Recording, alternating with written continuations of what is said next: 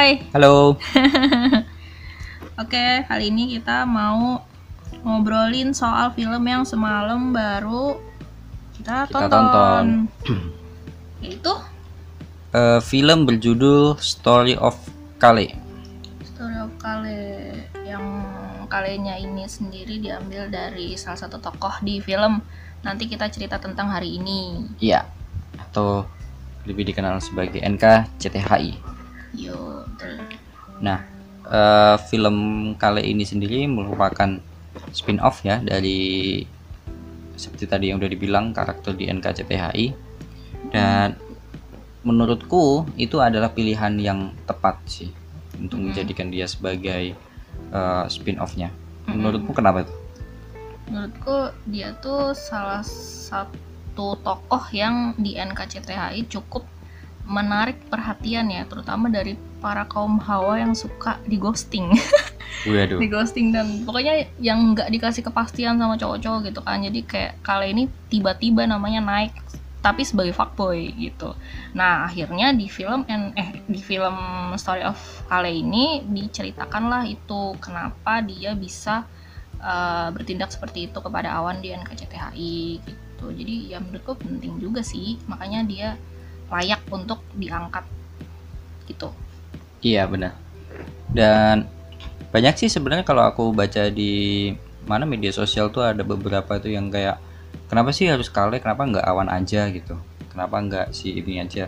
Nah justru itu adalah em, di NKCTHI itu kan dia fokusnya ke satu keluarga itu ya dengan konfliknya masing-masing.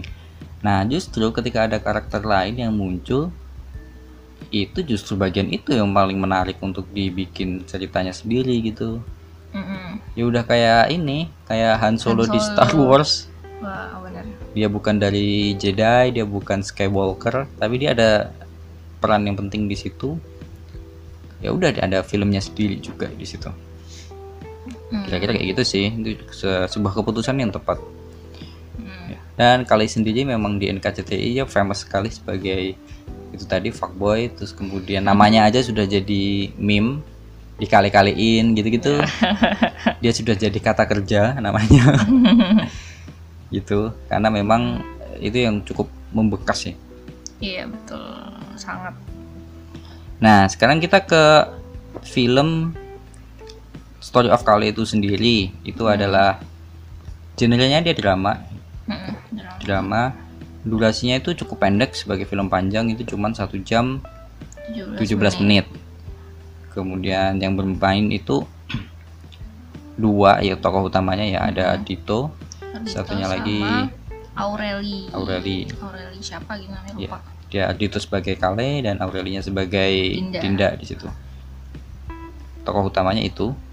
Terus sutradaranya sama dengan NKCTHI si Angga Dwi Sasongko. Oh, antara Sasongko apa Sasongko? Gitu nah film ini teman-teman bisa tonton di bioskoponline.com mm, itu adalah sebuah situs untuk menonton film-film Indonesia dan itu secara legal dan kita harus bayar.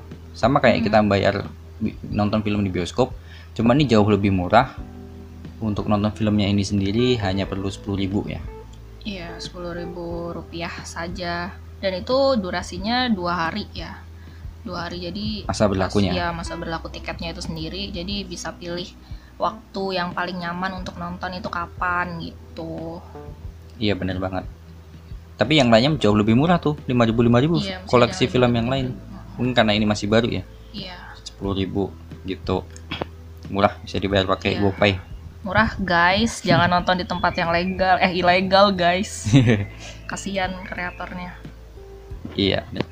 Nah, buat yang belum nonton ini mungkin eh, ada sedikit sinopsisnya ya, atau ya pokoknya secara garis besar ceritanya ini tentang dua orang si Kali dan Dinda, bagaimana mereka eh, menjalin hubungan begitu dan bagaimana Dinda ini terjebak dalam hubungan relationship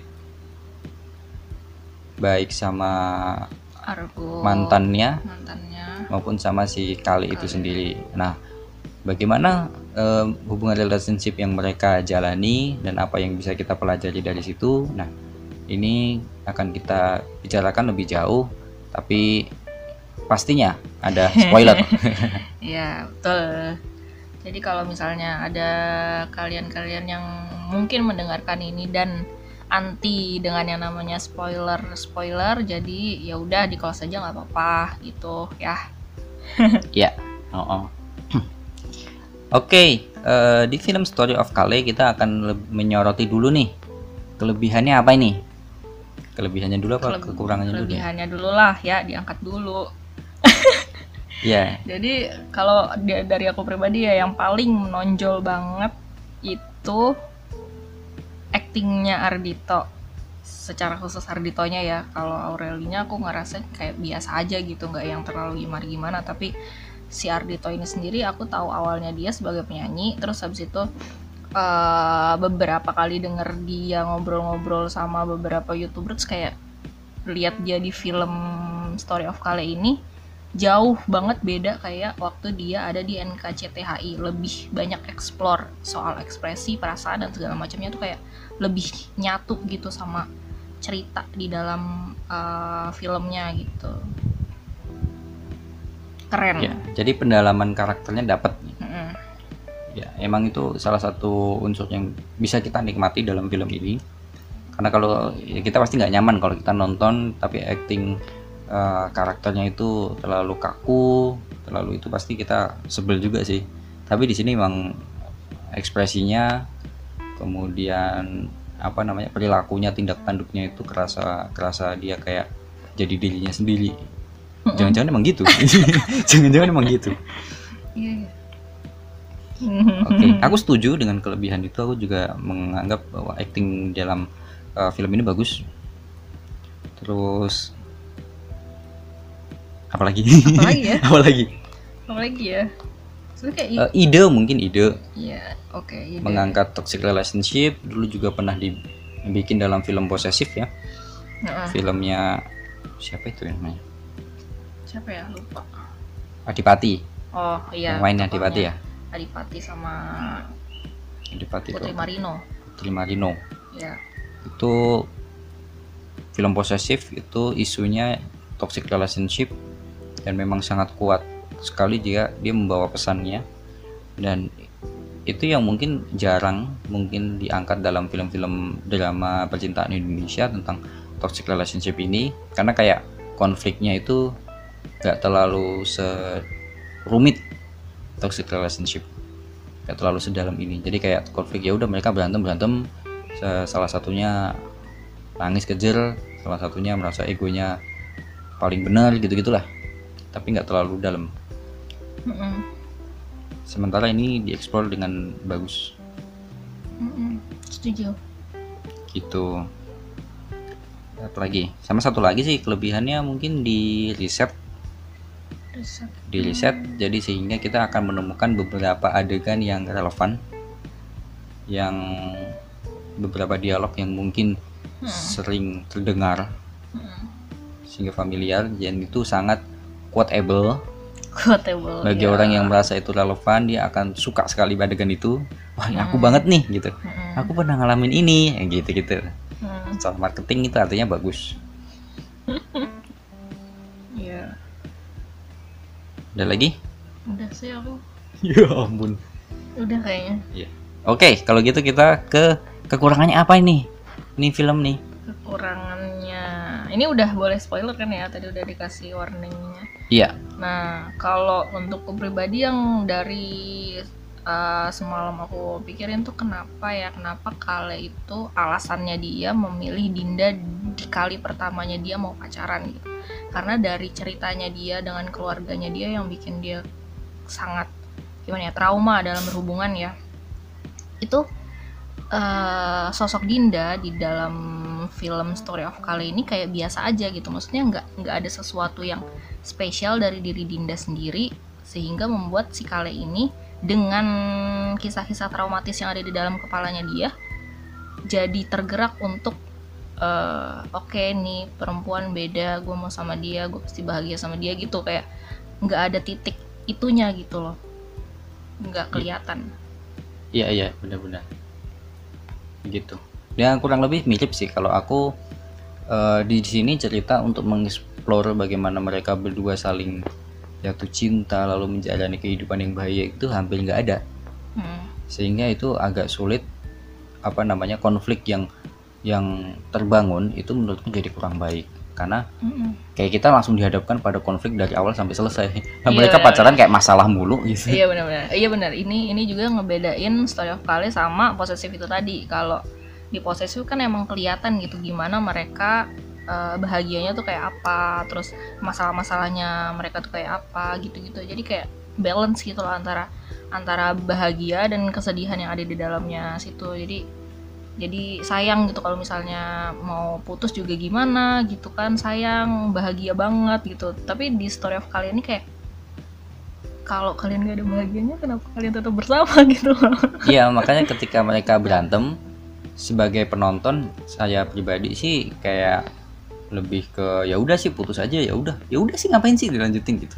Kecuali kalau depannya itu udah dibangun tuh cerita bagaimana mereka bahagia bagaimana spesialnya satu sama lain.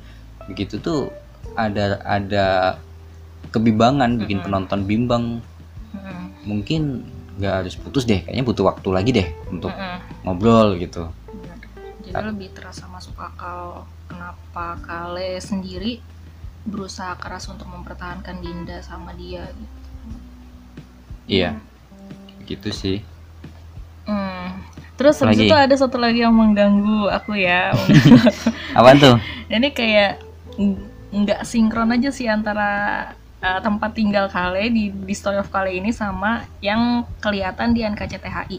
Kalau di NKCTHI itu kan dia ngekos ya, ngekos sempit terus kayak kayak susah banget hidupnya gitu kan. Sementara di di Story of Kale ini dia tuh kayak megah banget gitu loh, kayak kehidupannya tuh glamor gitu. Rumahnya Iya, rumahnya mewah, bagus. bagus banget, parah gitu. Wow, aku juga mau rumah kayak gitu.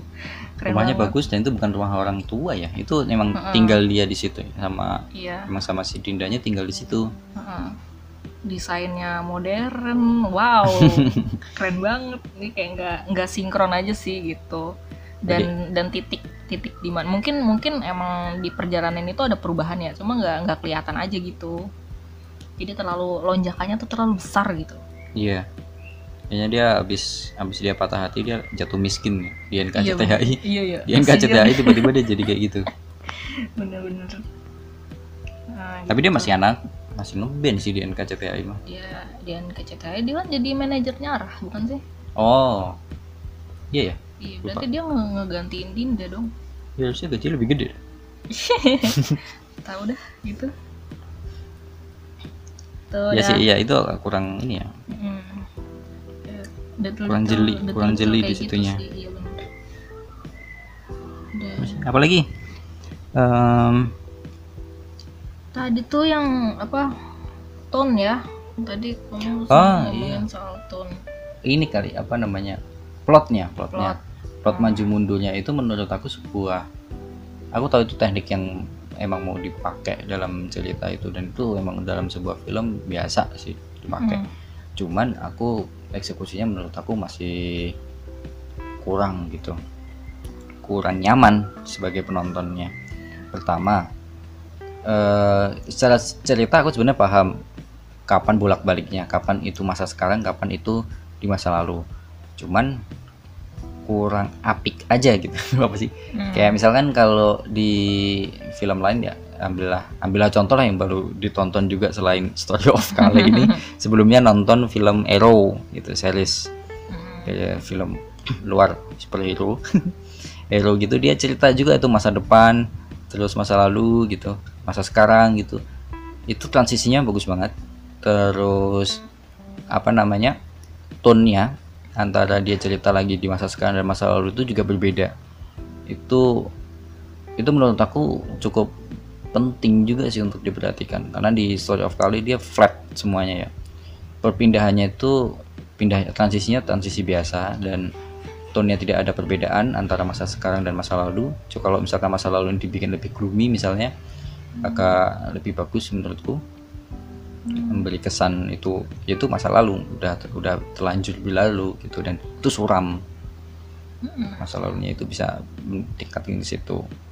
soal transisi-transisi juga untuk perubahan masanya aku pikir perlulah ada beberapa teknik yang bisa dipakai untuk mempercantik gitu kayak misalnya adegan si Kale marah-marah ketika di masa sekarang ya Kale malah marah sama Dinda dia katakanlah dia mukul apa jatuhin lampu misalnya. Terus ternyata itu transisi ketika dia jatuhin lampu di masa lalu ketika lagi marah-marah di apartemen. Hmm. disambungin ke situ atau ya kurang lebih kayak gitulah. Ada ada penandanya lah bahwa itu masanya udah berbeda nih. Ini cerita yang di sini ini cerita yang di masa ini gitu. Nah menurut aku di situ kekurangannya di situ. Jadi bolak baliknya cukup melelahkan nah, gitu. Hmm. kurang lebih sih Eh, masih nyambungin soal alur juga menurut aku sebenarnya kalau aku pribadi suka kan ya yang maju mundur kayak gitu yang tipenya kayak gitu. Cuma di sini karena mungkin terlalu cepet ya terlalu cepet gitu. Jadi kayak eh, detil-detil yang tadi udah kita bahas sebelumnya soal kekurangan-kekurangan dari film ini tuh jadi tampak sekali gitu loh jadi detil-detil yang kayak gitu banyak lewat karena karena eh, cepet banget itu diceritainnya kayak terlalu buru-buru lompat-lompat Hmm. akhirnya. Hmm. gitu banyak banyak eh, banyak detail-detail yang mungkin penting tapi cuma disampaikan lewat dialog satu kalimat doang gitu. Dan itu menurutku kurang kena. Itu kurang menjelaskan. Gitu deh. Iya. Nah salah satu yang dibanggakan. Bukan dibanggakan apa ya, salah satu yang dijual dari film ini adalah musiknya. Nah Hmm. menurutmu musiknya gimana ini? Musiknya ya biasa aja sih nggak nggak terlalu memorable ya kalau dibandingkan dengan NKCTHI jadi ya ya udah gitu cuma gimana ya? Kayak di lagunya sama filmnya kayak ada di dimensi yang berbeda gitu. Wih. aku merasakan Gitu. hal yang sama sih kurang lebih ya. Kalau di NKCTHI itu sangat terasa sekali aku suka sekali ketika lagunya Sisil Tanah muncul lagu yang berjudul eh, Pejalan itu muncul itu dikeluarkan pada mood yang tepat banget pada waktu yang tepat banget dan apa namanya footage yang diambil itu videonya itu juga mereka lagi sedih-sedihan gitulah pokoknya. Itu tepat banget itu kekuatan di situ itu sehingga ada menimbulkan ekspektasi bahwa di film Story of Kali dia akan menggunakan cara yang sebagus itu juga untuk menampilkan musik ternyata tidak gitu ada momen-momen yang musiknya menurut aku lagunya nggak nggak sampai lah gitu dengan momennya gitu Hmm. jadi dia kayak ya lagu itu masuk aja gitu ada di dalam ya sewajarnya film dan ada lagunya lah gitu. Padahal ketika di awal awal film ya kalau nonton itu pembukanya itu si Aldito dia punya spot sendiri tahu nggak sih kayak eh, Story of Kale ini filmnya si Angga Hmm. terus dia musiknya dari Ardhito. Aldito Songs apa gitu Hmm. dia punya spot sendiri di situ yang gua harap kupikir ekspektasinya ya di dalamnya benar-benar lagunya itu masuk masuk banget ke dalam Hmm. cerita gitu Iya benar-benar. Setuju. Hah. Terus. Terus kayaknya se- kekurangannya udah deh atau Udah ada sih, lagi ya? Kayaknya sih. Kalau dariku mungkin udah ya. Jangan Udah. banyak-banyak lah nanti nggak ada yang nonton kasihan. Ya. Karena ada kelebihannya tadi. Iya bener. Ya udah gitu pokoknya. Nah, selanjutnya buat teman-teman yang masih menyimak sampai menit ini, nah bagian menarik dari sini adalah isunya. Nah, sekarang kita ngomongin nih. Isu yang diangkat dalam film ini adalah tentang toxic relationship. Secara keseluruhan jelas banget itu yang kelihatan. Hmm. Bahkan film ini kalau misalkan diberi judul bucin lebih tepat daripada film bucin aslinya gitu. Waduh, parah. Tapi bener sih. Setuju. Setuju, setuju. Udah, udah, udah. gitu. Toxic relationship ini kelihatan sekali dari kisahnya Dinda baik sama mantannya maupun sama kalinya. Kale dan dari si kalenya sendiri juga gitu ya gimana dia ke Dinda itu wow tampak dengan sangat jelas gitu gimana hubungan mereka tuh wow wow benar racun Iya. Seperti apa sih toxic relationshipnya itu? Kita ini coba ya, kita coba untuk Mm. melihatnya lebih apa ya lebih jeli lah ya Mm, pertama eh, kecemburuan yang berlebihan. Mm, si Kale ini cemburu sekali. Dia sangat apa namanya akhirnya jadi negatif thinking. Mm. bahkan dia pun nembak si Dinda. Mau minta jadian sama Dinda itu juga didasari rasa cemburu yang gak masuk akal. Mm, iya. karena dia mau diutamakan gitu. Lebih mau dapat perhatian yang lebih kasih sayang yang lebih dari Dinda dibanding ke teman-teman bandnya Dinda itu sendiri yang ya udah pasti harus diperhatiin yang namanya manajer gitu kan iya konteksnya adalah Dinda ini manajer band dia punya anak-anak bandnya itu apa namanya ya harus tahu kan harus kasih Mm-mm. harus tahu lah tiap mereka itu punya masalah apa punya apa gimana punya kecenderungan Mm-mm. apa gitu nah si kali nggak terima dia pengen jadi yang paling spesial lebih dari itu gitu. gitu. Itu konyol akhirnya sih. itu konyol itu. Konyol banget. akhirnya nembak dia pengen pacaran gitu. Itu alasan alasan pacaran yang aduh. Capek. Terus habis itu em, yang kedua? Yang kedua masalahnya dari komunikasi ya. Oke. Komunikasi. Ada masalah komunikasi. Ada masalah komunikasi dari Dinda dan Kale itu sendiri. Gitu. Jadi di dalamnya nggak ngerti sih ya kenapa kenapa komunikasi mereka itu bisa setidak berjalan lancar itu gitu. Pokoknya di situ diceritain dari awal diceritain si Dinda ini kayak menyimpan sesuatu yang nggak bisa diomongin ke Kale kan. Si Kalenya udah berkali-kali em, bilang ke Dinda supaya ya udah ngomong-ngomong gitu mau kamu tuh apa? gitu. Terus eh, masa aku harus baca pikiran kamu? gitu kan. Tapi nggak diomongin juga gitu. Ini salah satu masalah besar di dalam suatu hubungan ya. Mau hubungannya bentuknya apa pun gitu komunikasi. Itu penting cuy iya. tuh selain itu dari kalenya juga bermasalah. Dia dalam berkomunikasi dia ngerasa bahwa apa yang keluar dari mulutnya adalah sesuatu yang paling benar keputusan yang benar yang menentukan keputusannya si Dinda. Si Dinda mau apa namanya datang ke acara ulang tahun temennya aja jadi ribet banget gitu. Mm, karena kalinya ngasih pertimbangan ini itulah gitu yang sebenarnya nggak perlu gitu.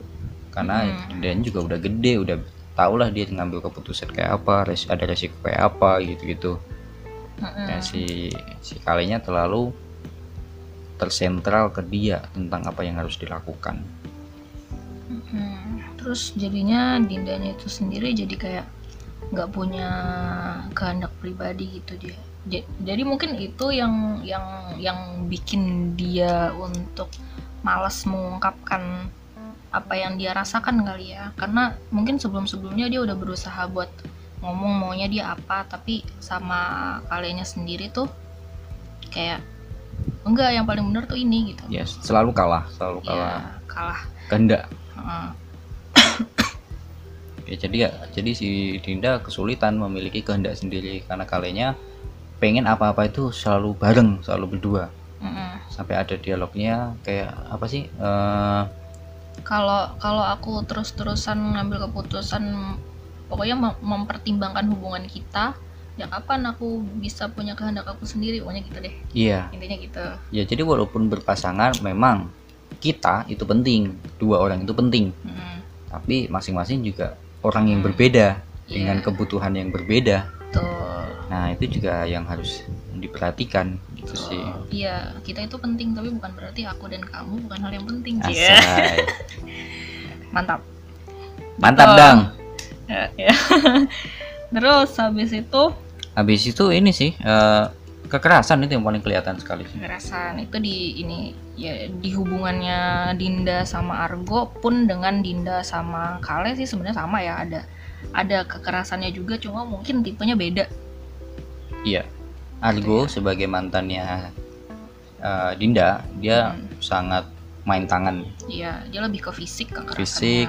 main tangan pukul-pukul gitu pecah-pecahin Hmm. gitu-gitu itu adalah kekerasan eh, fisik gitu Mm-mm. nah dikiranya kalau sama Kale gak kayak gitu Mm-mm. Kale mungkin nggak berani megang Dinda melakukan mukul dan kayak Hmm. Argo nggak tapi yang dia lakukan adalah kekerasan psikis.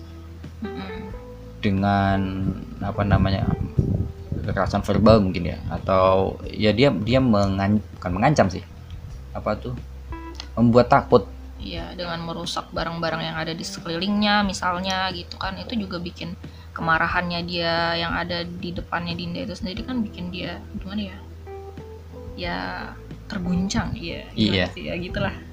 yaitu kalau dalam KDRT udah masuk sih walaupun tidak Iya. memukul tapi memberi akhirnya membuat orang di dalam hubungan itu dia secara psikis dia terganggu dia takut dia sedih dia eh, stres gitu itu udah masuk dalam kategori kekerasan Mm-mm. gitu Terus apalagi tuh posesif, posesif si ya ya Iya. Argo, iya Argo, Iya, Argo Argo. kelihatan Kelihatan sangat posesif. posesifnya ke Di awal. Dinda heeh, di Pada- awal iya sampai dia meminta Dinda untuk keluar, keluar dari, dari pekerjaan pekerjaannya yang sangat dia sukai. Heeh. hanya karena alasan si Argonya ini tidak suka sama teman-temannya Dinda Mm-mm. gitu saking segitunya posesifnya dia pengen Wow. si Dinda ini menuruti ya menuruti Hmm, apa pun yang dia mau betul. tidak pekerjaan tuh kayak pekerjaannya Dinda dan eksistensinya Dinda di dunia ini jadi nggak penting Nggak lagi penting. Ah, yang penting baginya adalah Dinda ada di eh, sebelahnya Argo terus gitu Iya benar. Jadi Dinda itu cuma kayak bagian dari hidupnya Argo, tapi dia nggak benar-benar hidup gitu. Iya, yoi. Gitu.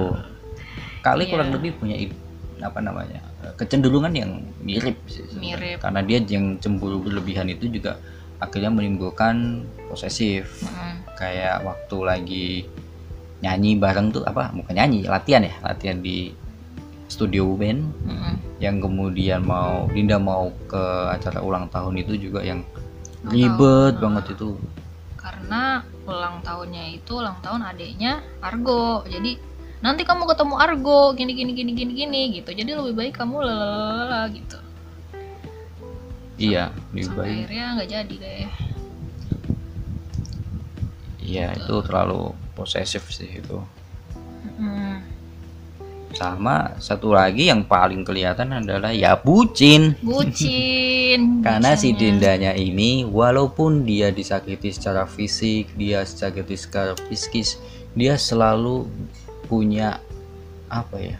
argumen bahwa eh, melakukan pengecual- pengecualian tertentu terhadap orang ini. Iya. Kayak kayak misalkan si Argo, si mantannya Dinda ini ketika melakukan kekerasan, alasannya Dinda adalah membiarkan itu adalah ah ya udah sih dia lagi marah, bisnisnya lagi jelek gitu. Mm-mm. Seharusnya nggak perlu. Iya, terus dia juga kayak melihat ke orang tuanya dia kan. Katanya ibunya dia tuh juga suka digituin sama bapaknya, tapi karena kesabaran ibunya terus bapaknya berubah gitu. Tapi kan nggak semua orang kayak gitu gitu. Iya benar. Untuk meraih bahagia nggak harus melalui jalur itu. Mungkin ada yang bisa melalui jalur itu, tapi kan nggak semua orang. Hmm, jadi keyakinan yang berlebihan itu juga kalau nggak dibarengi dengan rasionalitas yang tinggi susah ya itu karena ya udah dilihat gitu aja udah ya ini mah gimana mau berubah Iya iya benar-benar.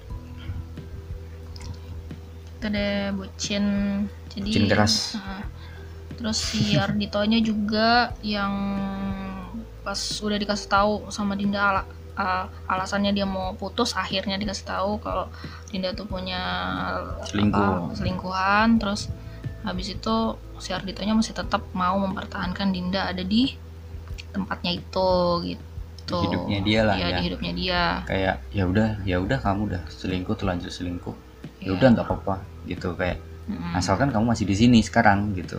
iya itu kayak ya, hmm, hmm. Gitu.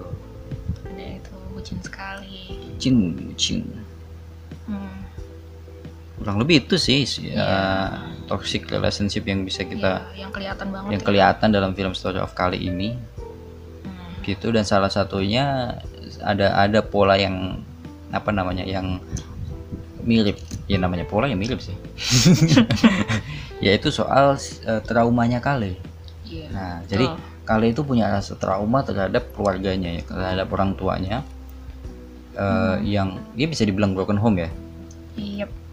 Yang akhirnya mempengaruhi dia dalam berasmara. Jadi dia tuh sebelum sama Dinda dia nggak pernah pacaran.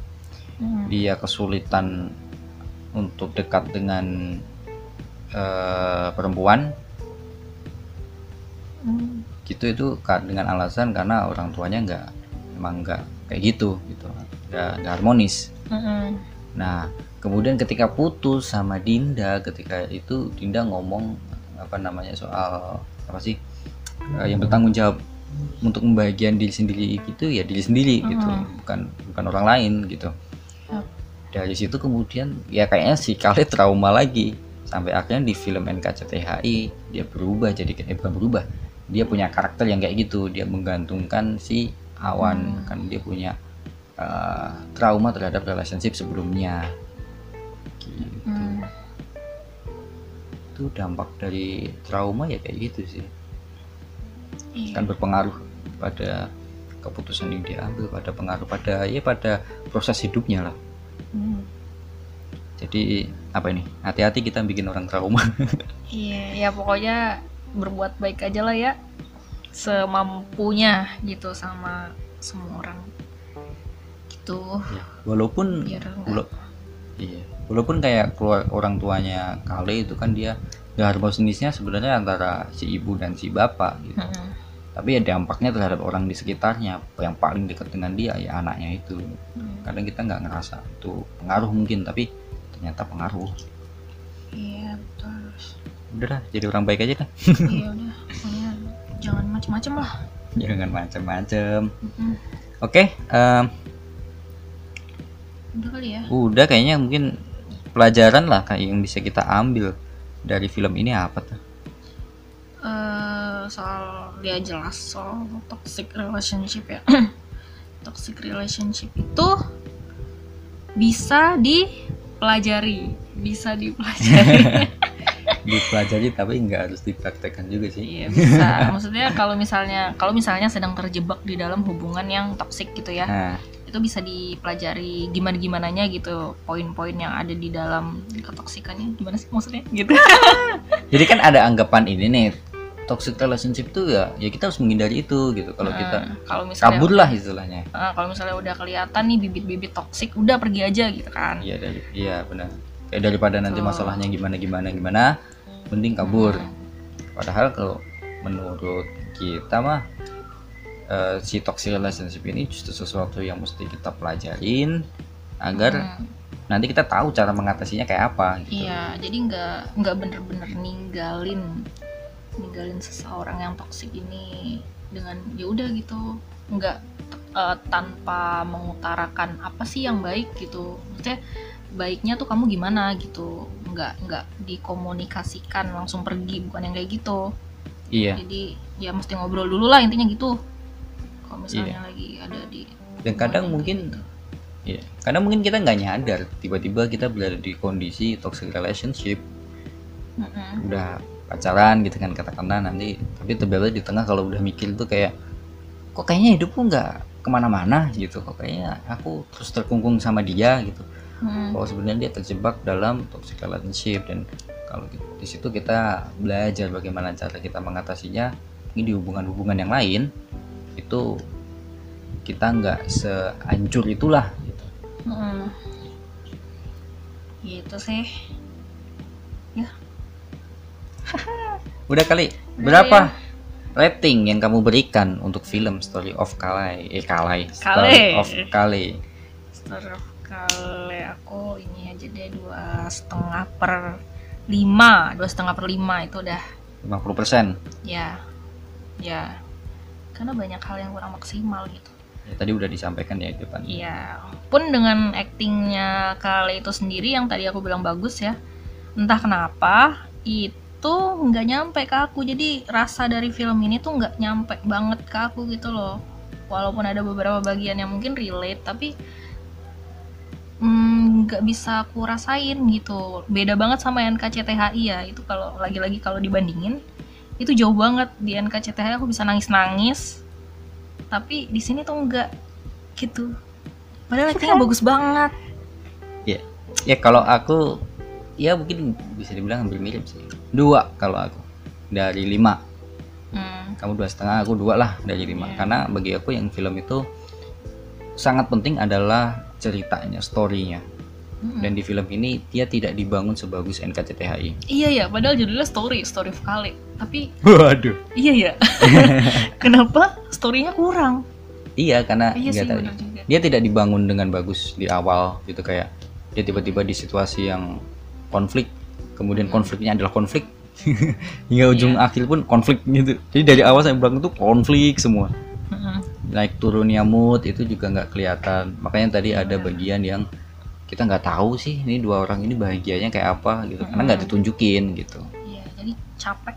Nontonnya capek banget. Iya flashback antara hari ini dan belakang pun dua-duanya konflik berantem. Betul betul. Dia nggak flashback ke masa-masa indah masa lalu enggak. Dia flashbacknya ke masa-masa berantem yang lain. Iya. Wow.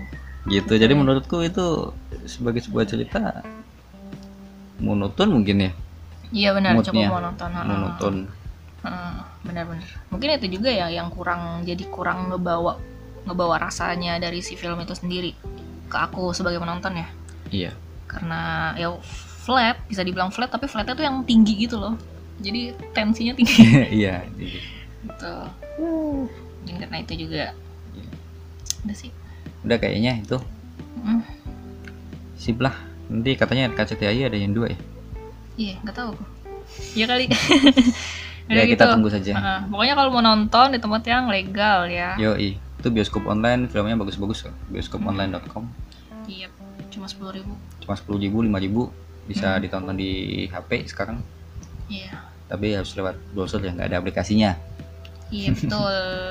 Semoga di kemudian hari nanti ada aplikasinya. Oke, terima kasih teman-teman sudah mendengarkan sampai menit ini. Kita berjumpa lagi di, Di- lain di lain Waktu. obrolan Yoi. Ya Terima kasih. bye